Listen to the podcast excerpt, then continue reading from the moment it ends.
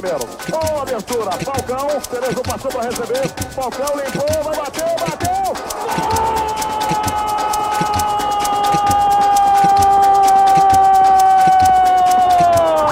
Brasil!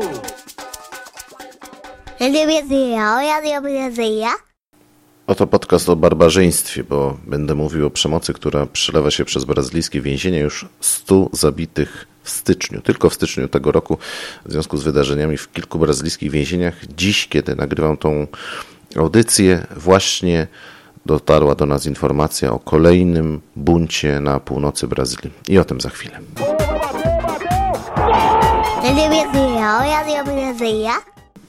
Najpierw niesamowite informacje z Manaus. 56 zabitych, poćwiartowane ciała, spalone zwłoki, filmiki krążące w internecie pokazujące jak w barbarzyński sposób przestępcy rywalizowali ze sobą na śmierć i życie. Rywalizowali, bo to jest tak naprawdę rywalizacja wielkich gangów narkotykowych. To jest wojna między Komando Vermelho, które wywodzi się z Rio de Janeiro. Gang powstały na przełomie lat 70. i 80.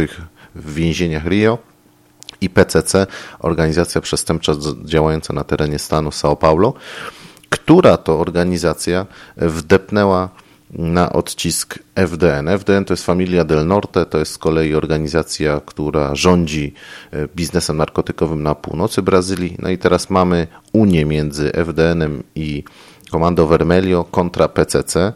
Ta Unia prowadzi do niewiarygodnych wprost aktów barbarzyństwa. To jest obcinanie sobie rąk, głów, kończyn wszelkich, to jest e, patroszenie ciał i tak dalej, i tak dalej. To są te sceny, które znamy z filmików, e, które dostarczają nam e, media przy okazji egzekucji wykonywanych przez ISIS czy państwo islamskie. To są te barbarzyństwa, o których mówi się w przypadku Boko Haram. To dzieje się w Brazylii. I w tejże Brazylii 180 więźniów z jednego z tych więzień uciekło. Mówię z jednego z tych więzień, bo nie tylko problem dotyczy tej wielkiej masakry, która zdarzyła się w Manaus, ale także w Boa Vista. Kilka dni później w stanie Roraima doszło do e, kolejnych aktów przemocy. 16 osób zginęło. Dziś już wiemy, że to, co zdarzyło się w Roraimie, to nie była wojna między tymi dwoma największymi gangami, tylko to była wewnętrzna egzekucja. Ludzie z PCC zlikwidowali 16 swoich współpracowników, którzy, tak przynajmniej nieoficjalnie mówi się w brazylijskich mediach, prawdopodobnie chcieli albo zreiterować, albo prowadzić działalność, albo już prowadzili działalność przestępczą na własną rękę. Zwierają się szyki. Organizacje przestępcze wiedzą, że to jest czas bardzo brutalnej wojny. Beltrami, były sekretarz do spraw bezpieczeństwa stanu Rio de Janeiro, człowiek odpowiedzialny za inwazję na kompleks Alemão, e, to było w listopadzie 2010 roku, powiedział, że spodziewa się scenariusza kolumbijskiego.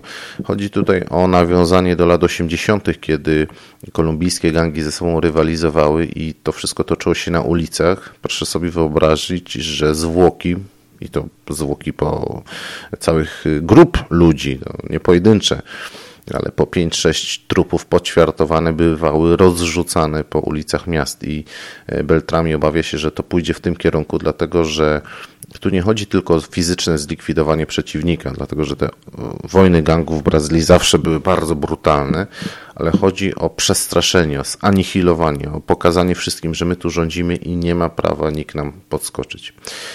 E, te grupy przestępcze, które działają w Brazylii, one mają różne, mm, różne pochodzenie, może tak.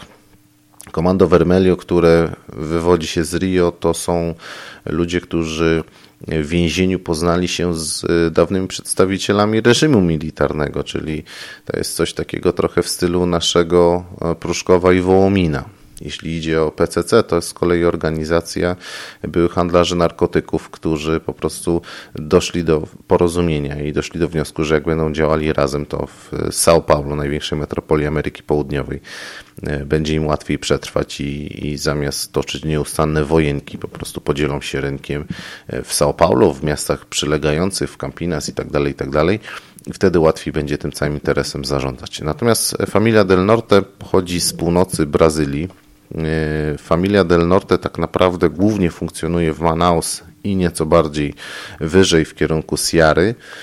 I w tych takich stanach, gdzie generalnie no, niewiele się o nich mówi, może nie medialnie, nie są to centra gospodarczego życia Brazylii.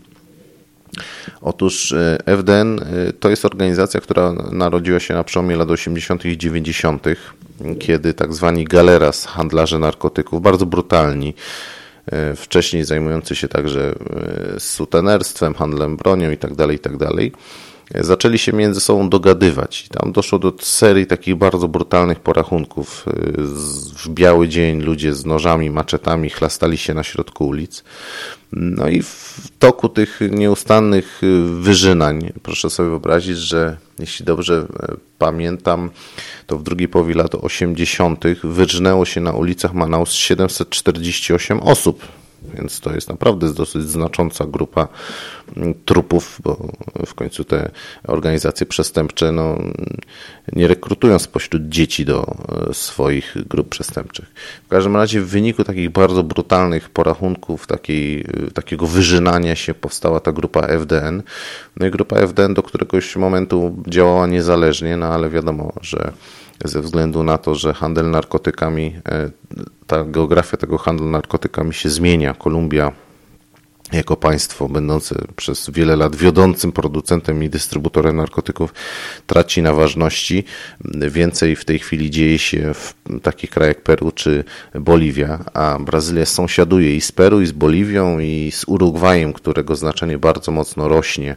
O tym jeden z podcastów też nagram, bo to jest sprawa bardzo mało znana w Polsce. Tak naprawdę Urugwaj, który do końca lat 90. był na peryferiach zupełnie biznesu narkotykowego w Ameryce Południowej w ostatnich 5-6 latach urósł do miana takiego centrum przesyłowego. Wiemy o tym, że w zasadzie wszystkie największe agendy narkotykowe funkcjonują w tej chwili już w tym kraju, prowadzą tam swoje śledztwa i Amerykanie niedawno stwierdzili, że to jest kraj, w którym ten biznes narkotykowy rozwija się najszybciej spośród krajów Ameryki Łacińskiej. To wynika z faktu, że po prostu tego biznesu było bardzo mało, więc ten przyrost jest skokowy w tej chwili. Ale wracamy do Brazylii. Więc walka zaczęła się tak naprawdę w czerwcu tego roku, kiedy Jorge Rabat został rozstrzelany, w zasadzie zmasakrowany przez ludzi PCC. To jest facet pochodzenia libańskiego, który dla Komando Vermelho kontrolował ruch graniczny z Boliwią. Tam dokonywane były przerzuty narkotyków, tam dokonywane były przerzuty broni, musicie wiedzieć, że handel bronią w Brazylii jest na nieprawdopodobną wprost skalę. Liczba jednostek broni zarejestrowanych jest no, wielokrotnie większa niż to, co w dyspozycji polskiej armii i polskich sił porządkowych, łącznie z Policją Strażą Graniczną, razem wziętych. W zasadzie Brazylia, gdyby poszła na wojnę z jakimś krajem, to to, co jest w posiadaniu obywateli, ja nie mówię o armii, to już jest set tysięcy jednostek broni do dyspozycji. W związku z tym to był facet, który był mocną postacią. On został, tak jak mówię, zmasakrowany. Jeep zajechał mu drogę i z CKM umieszczonego na tym jeepie posłano w jego kierunku 200 pocisków kaliber 50, no, czyli coś, co praktycznie rzecz biorąc rozszarpało jego zwłoki na strzępy. No i od tego komando Vermelio oczywiście postanowiło wziąć rewanż. No i to się zaczęła taka nieustanna vendetta, następnie walka o wpływy. Dziś, w tym momencie dokładnie, kiedy nagrywam ten podcast, dochodzą informacje o buncie w Rio Grande del Norte. Na początku pojawiły się informacje, że to jest bunt więźniów, ale my już wiemy, że tu nie ma mowy o żadnym buncie więźniów. To jest kolejna walka, tym razem PCC i Syndicato do Crimi. Nie wiemy tak naprawdę ile jest ofiar i nie znamy szczegółów. Nie wiemy co się dzieje w środku, bo jedyne informacje jakie na razie mamy to to, że pawilony 1, 2, 3, 4, 5 są zamknięte, że jest pożar, słychać strzały i w więzieniu przeznaczonym dla 620 więźniów znajduje się 1150 osób. Czyli to, co mówiłem dzisiaj w polskim radiu, że idziesz do więzienia, wchodzisz do średniowiecza, sprawdza się po raz kolejny. Brazylijskie więzienia to jest coś strasznego, to jest coś, czego żaden normalny człowiek nie chciałby przeżyć. Jeśli oglądaliśmy niedawno filmiki mm, o tym, jak wygląda cela Breivika, która jest na poziomie dobrego akademiku Uniwersytetu mm, Warszawskiego czy Uniwersytetu Jagiellońskiego, a sala gimnastyczna jest tak wyposażona, że mało która szkoła w Polsce mogłaby się poszczycić takim sprzętem, no to w Brazylii tak naprawdę ci ludzie żyją w norach przypominających przygody hrabiego Monte Cristo. W związku z powyższym y, tam brutalność, przemoc rządzi, no bo y, cokolwiek, żeby mieć dostęp do czegokolwiek, trzeba po prostu wymóc to siłą. Inna sprawa, że mm, zadziwiające jest to, że przy okazji każdego większego buntu, każdego większego zdarzenia w Brazylii ci ludzie mają broń palną, ci ludzie mają komórki, dostęp do internetu, y, oczywiście do pojawiają się tam dziewczyny, narkotyki i tak dalej, i tak dalej. No, to znaczy, że klawisze są e, opłacani, to znaczy, że służba więzienna w ogóle tego nie kontroluje, a może raczej służba więzienna jest kontrolowana przez przestępców.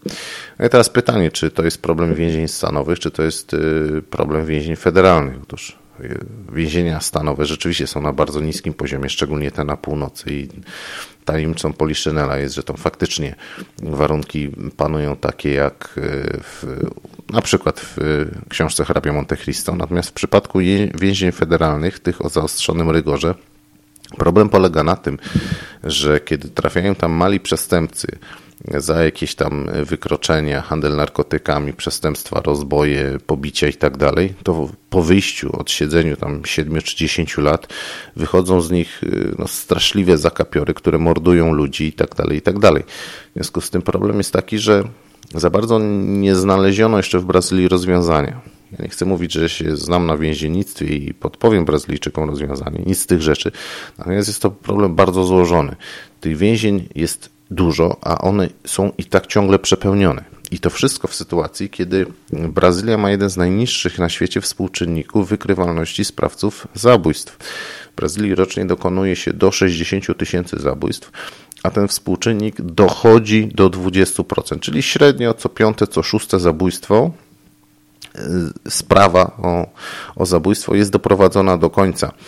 Y, to znaczy, ktoś dostaje zarzut. To, czy on y, faktycznie trafia do więzienia i odsiaduje w tym więzieniu, to jest jeszcze inna rzecz. No ale macie świadomość, że przy 60 tysiącach, jeśli co piąty trafia do więzienia, załóżmy, to jest i tak 12 tysięcy ludzi. Oni oczywiście nie idą na rok czy dwa lata. No i jeśli średnia kara za zabójstwo w Brazylii wynosi kilkanaście lat, no to przez kilkanaście lat dochodzi ileś tysięcy tych ludzi. Więzienia w zasadzie musieliby budować co chwilę. Co więcej, w Brazylii system zarządzania więzieniami jest takim systemem łączonym. One nie są tak jak w Australii w całości e, prywatnymi więzieniami. To są e, więzienia, które są własnością stanu bądź e, Federacji Brazylijskiej. Natomiast w niektórych stanach administrowane są przez firmy prywatne. I te więzienia, w których doszło do buntów, są więzieniami administrowanymi przez firmy prywatne. Co więcej, to więzienie z Manaus dostało rekordową pulę pieniędzy w ubiegłym roku 360 milionów naszych złotych. To jest mniej więcej tyle, co 360 milionów reali. No i okazuje się, że te pieniądze, hmm, na co one poszły, tego nie wiemy. To była pula wyższa o 60% w stosunku do poprzedniego roku, czyli to poszło znacznie tych pieniędzy więcej, a zatem można się było spodziewać, że raczej ochrona zostanie wzmocniona, nie okaże się, że tak naprawdę to więzienie jest rządzone przez przestępców, a filmy, które możemy ze środka więzienia teraz oglądać, pokazują, że w zasadzie kolejne pawilony są dzielone i są zarządzane przez y, organizacje i jedne do drugich po prostu nie mają prawa wstępu i każdy w swoim mm, domku sobie y, funkcjonuje. Czekamy więc na informacje, co się dzieje y, w Rio Grande do Norte, bo prawdopodobnie to jest kolejny etap tej fali przestępstw tej fali barbarzyństwa, która przetacza się przez Brazylię. Wiemy o tym, że 180 więźniów uciekło, 100 zostało złapanych, kilkudziesięciu ciągle ucieka. Jest taka teoria, która mówi, że po to, żeby uciekło kilku naprawdę istotnych przestępców, to trzeba wypuścić jeszcze 100, płotek. No, znamy to chociażby z filmów kryminalnych. W jednym samochodzie jedzie prezydent, pięciu innych e, jadą sobowtóry albo w ogóle nieistotne postaci, którego teraz z nich ma wybrać terrorysta, żeby zlikwidować. No to jest dokładnie ta sama historia. Nic nowego na świecie. Kto czytał e, Ladlama, kto czytał Forsyta, e, może sobie to wyobrazić. Natomiast co mnie zadziwia zawsze przy okazji tych wszystkich mm, artykułów dotyczących przestępczości tych, tych bossów e, brazylijskich, oni po pierwsze zawsze mają ksywy związane ze świadkiem futbolu. Jest na przykład taki słynny gangster o przezwisku Messi, kiedyś był Romario, kiedyś był Bebeto 14, jeden się kiedyś nazywał Zico. E, no, co jednoznacznie pokazuje, że oni wszyscy lubią futbol. To jest pierwsza rzecz. A druga jest taka, że tych ludzi próżno szukać w drogich dzielnicach tych metropolii brazylijskich. To nie są faceci, którzy żyją w takich okazałych posiadłościach, tylko to są faceci, którzy rezydują e, w faweli i chodzą ubrani jak ci lokalni mieszkańcy faweli. Mają może całkiem niezłe samochody, takie trochę przypruszone ostentacją, ale przede wszystkim mają świadomość tego, że życie jest krótkie i te pieniądze w zasadzie dziś zarobione, dziś trzeba wydać. Raczej wielkiego odkładania nie ma to życie jest krótkie. Policja jest brutalna w kontaktach z y, przestępcami. Jeśli już przekłada się wajchę i przychodzi rozkaz, że trzeba się rozprawić, to policja się naprawdę z tymi ludźmi rozprawia. Tam y, znamy sprawę buntu, to akurat był bunt w Karandiru, tam 111 osób zostało zastrzelonych przez siły porządkowe. Tu oczywiście nie mówimy o buncie, tu mówimy o rozrachunkach między wielkimi gangami. Mówimy o sytuacji, w której ci, którzy zabijali, w ogóle się nie kryli. Oni nie zlikwidowali, nie zdemolowali sprzętu do nagrywania. Kamery ich nagrywały i w związku z tym policja ma oczywiście dowody na to, kto dokonał tych zabójstw, kto bezcześcił te zwłoki. Natomiast nie ma cienia wątpliwości, że to są i tak ludzie, którzy odsiadują wieloletnie wyroki, którzy w ciągu najbliższych kilkunastu lat i tak by na wolność nie wyszli, o ile w ogóle te najbliższych kilkanaście lat w tych warunkach, spartańskich warunkach więzienia, e, przy tej ciągłej przemocy e, w ogóle by przeżyli. A zatem e, w Brazylii dziś przestępczość dziejąca się, barbarzyństwo dziejące się w brazylijskich więzieniach przysłoniło afery korupcyjne, o których zapewne jeszcze będę miał okazję mówić, bo e, afery korupcyjne związane z akcją Lawarza to oczywiście nieustannie się rozwijają. Tam liczba ministrów, senatorów i tak dalej jest wciągniętych w tę operację jest przeogromna, aczkolwiek Lula ciągle jest wolny. No i właśnie, przy okazji tego barbarzyństwa pierwszy raz od dłuższego czasu nie wciągnięto byłych polityków w tą całą sprawę, w te rozmowy dotyczące e, przestępczości. Raczej przy okazji wystąpień medialnych sporo słyszymy wystąpień fachowców, e, szczególnie jest taki socjolog Lima, bardzo szczegółowo badający e, przestępczość zorganizowaną. On dostarcza wielu interesujących informacji dotyczących przyzwyczajeń gangsterów, dotyczących historii tworzenia się tych gangów. Z przyjemnością czytam jego teksty i na pewno przy okazji przyszłych e, podcastów dotyczących problemu e, przestępczości e, będę cytował jego teksty. A na razie to tyle. No i podejrzewam, że w najbliższych dniach, jak już dowiemy się, co zdarzyło się w Rio Grande do Norte, wrócę do tego tematu.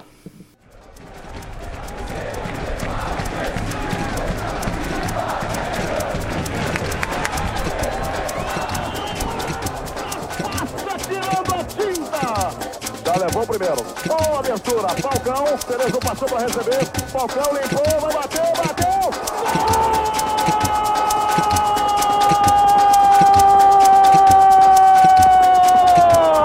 Brasil. Ele me dizia, olha a minha